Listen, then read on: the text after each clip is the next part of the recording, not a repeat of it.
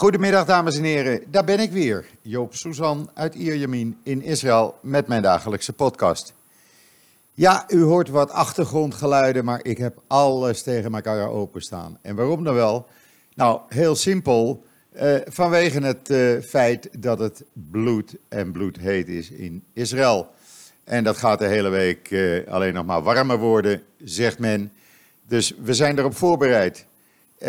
Is dat dan, heeft dat te maken met de klimaatverandering? Uh, wat is dat dan? Nee, het heeft niets te maken met de klimaatverandering. We hebben het tien jaar geleden ook gehad.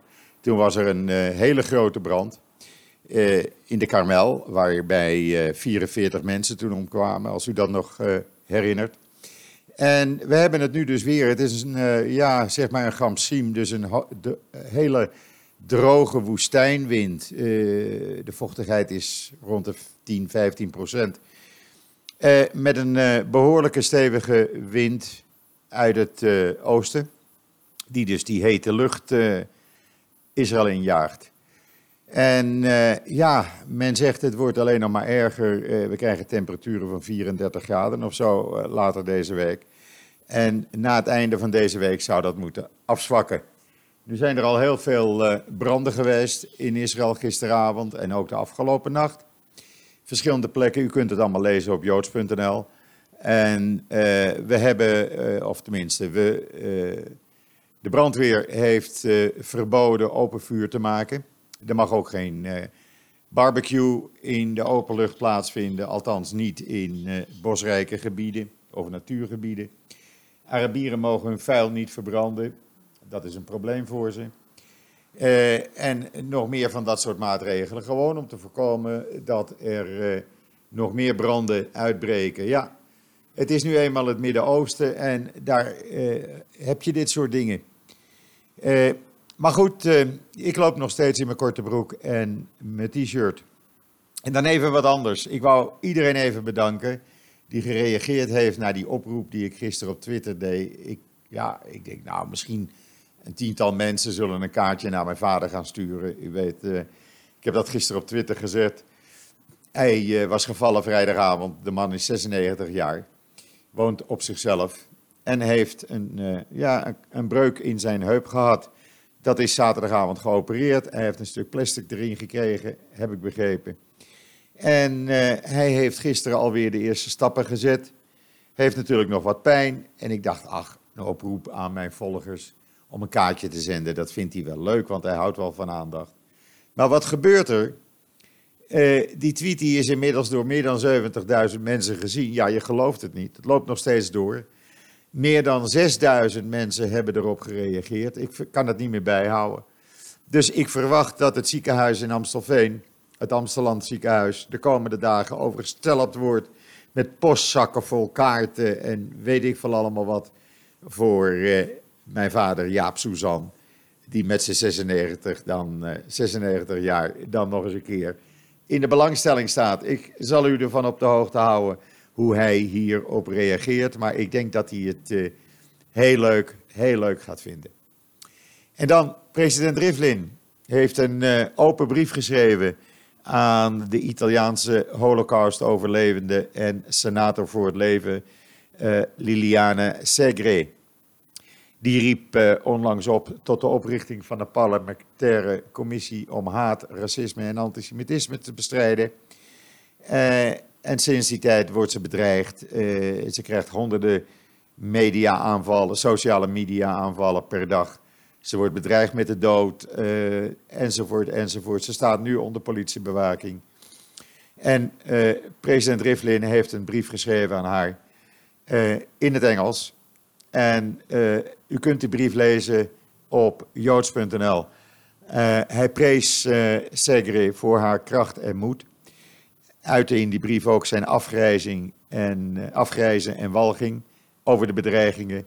Waarbij hij toevoegde dat ze nog een ander voorbeeld zijn van de realiteit waar Joden vandaag de dag in Europa in leven.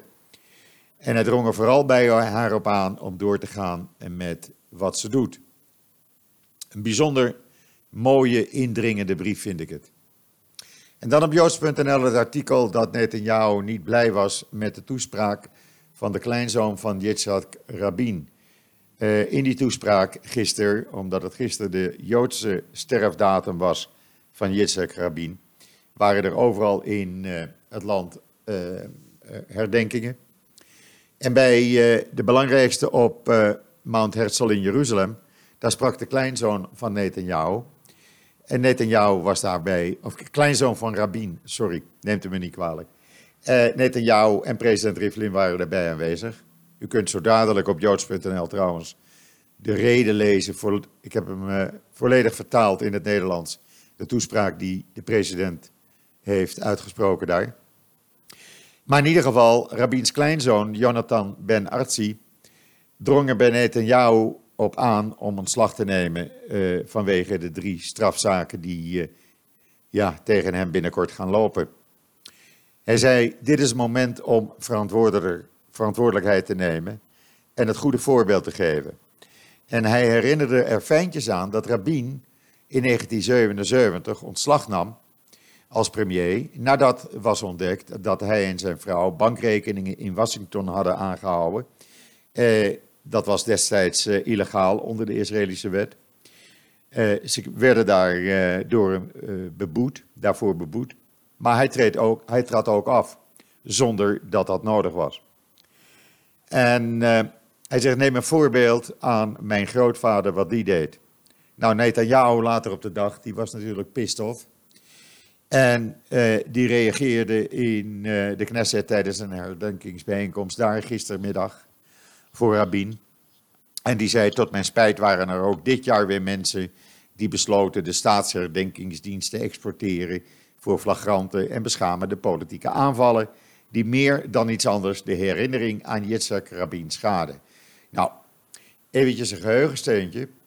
Er gaan al jaren, eh, al die 24 jaar, eh, gaat het verhaal dat in de tijd, nadat, uh, in de tijd dat Rabin door extreem rechts werd bedreigd, en werd ook afgebeeld in nazi-uniform, et cetera, uh, daarover zijn mond hield. Hij heeft daar niets van gezegd.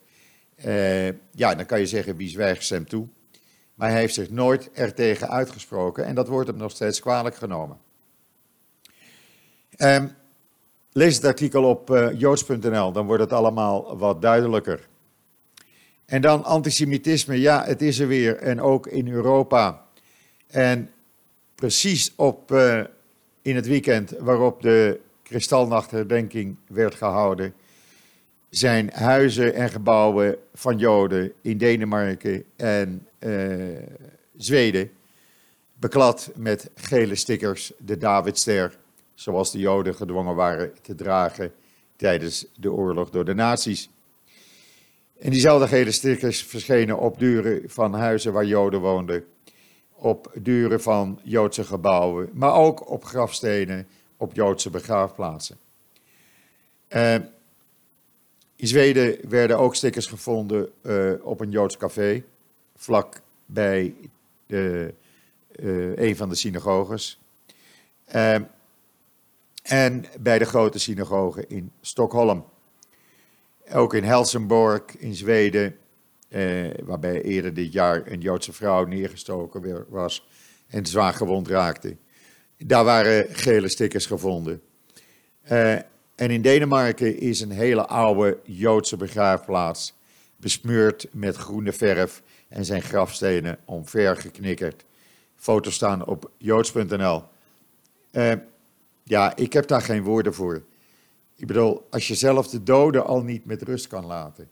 En als je op de dag dat de kristalnacht herdacht wordt, de dag waarop Joden uit hun huizen werden gehaald. Joodse winkels in Duitsland werden geplunderd. 81 jaar geleden. Als je op die dag het lef hebt om dit soort dingen te doen. Sorry, dan ben je niets beter dan de nazi's. En dan ben je gewoon een nazi. Even een slokje water, want het is erg droog. En dan, eh, dan heb je niets in, in deze wereld te zoeken. Dat is mijn mening. Het staat op joods.nl met de foto's helaas erbij. En dan wereldwijd, daarop aansluitend, zoeken Joodse gemeenschappen financiering voor beveiliging van hun gebouwen. Uh, er is een fonds van de Jewish Agency. Dat is zeven jaar geleden opgericht. En er is een enorme toename van het aantal verzoeken om financiële hulp, financiële bijdrage van Joodse gemeenschappen uit de hele wereld. Omdat men te maken heeft met meer terreuraanslagen, meer antisemitisme, zowel uit extreemrechtse als islamitische hoek.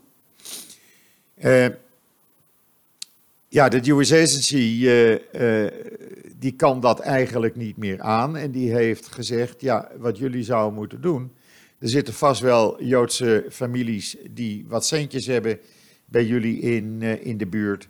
Probeer die ook te vragen voor financiële bijdrage, want we kunnen de financiële vraag niet meer aan. Uh, de Israëlische regering heeft inmiddels 4 miljoen dollar overgemaakt naar de Jewish Agency om het ja, een beetje te helpen. Maar ja, wat is er nodig? Ze moeten camera's hebben, er moeten kogelvrije ramen komen, er moeten speciale sloten komen voor de muren en de hekken om aanvallen te voorkomen. Er moeten bewakingsposten en alarmsystemen komen. Ja, dat kost tientallen miljoenen. En ja, eh, ik vind dat overheden in de landen waar deze Joodse gemeenschappen zitten, daaraan moeten bijdragen, dat moeten betalen. Eh, want dat is ook hun verantwoording. En dan eindelijk goed nieuws voor Israël, althans, ik denk dat het goed nieuws is.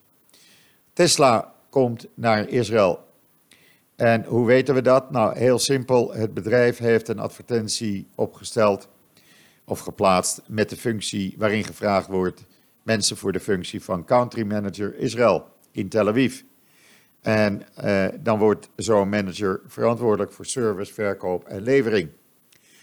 Nou, betekent dus dat ze waarschijnlijk volgend jaar uh, naar Israël komen. Er is geen infrastructuur. Die moeten ze dan uh, zelf aanleggen.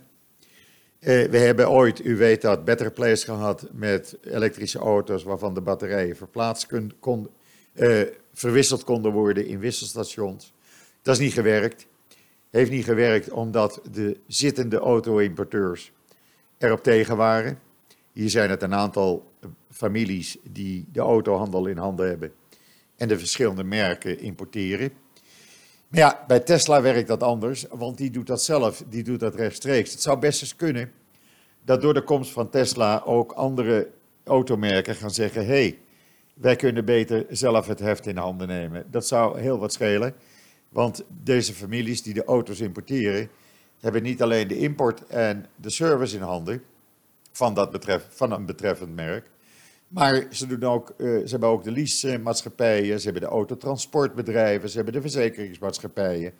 Uh, het is een kartel, goed uh, toegestaan door de regering. Maar goed, lees het hele verhaal op, op joods.nl. en dan is er op Netflix een documentaire verschenen in vijf delen over de nazi-beul Demjanjuk. Hele interessante uh, documentaire. Ik ga hem niet kijken, maar ik kan me indenken dat er mensen zijn die dat graag willen zien. De trailer kunt u op joods.nl al vinden. En dan uh, een peiling. Uh, ja, weer een peiling zult u zeggen. Ja, Israëli's houden van peilingen. 52% van de Blue and White kiezers die is voor een coalitie met Arabische partijen.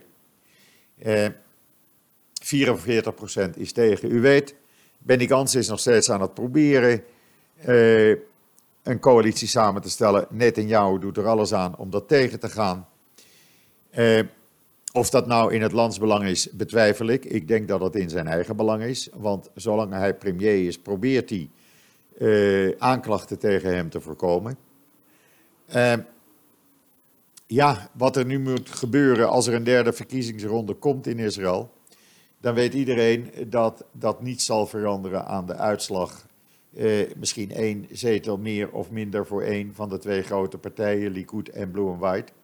Maar zolang Netanyahu blijft vasthouden aan onderhandelingen met het rechtse blok, in plaats van uh, onderhandelingen tussen Likud en Blue and White, uh, zal er weinig veranderen. De enige alternatieve oplossing zou kunnen zijn dat er een uh, minderheidsregering met steun van de Joint Arab List wordt uh, gemaakt. Dat is het enige alternatief wat overblijft. Of dat dan een, een lang leven bes, beschonken is, ja, ik weet het niet. Het zou best eens kunnen. We hebben dat al eerder gehad in de jaren 90 en de jaren 80. Maar het is niet de oplossing. De beste oplossing in Israël is gewoon Likud samen met Blue and White. En dan kan iedere partij zich er later bij aansluiten. In ieder geval zal Lieberman dat doen. En dan heb je dus een royale meerderheid in de Knesset al. Maar nee, Netanyahu blijft vasthouden aan het rechtse blok.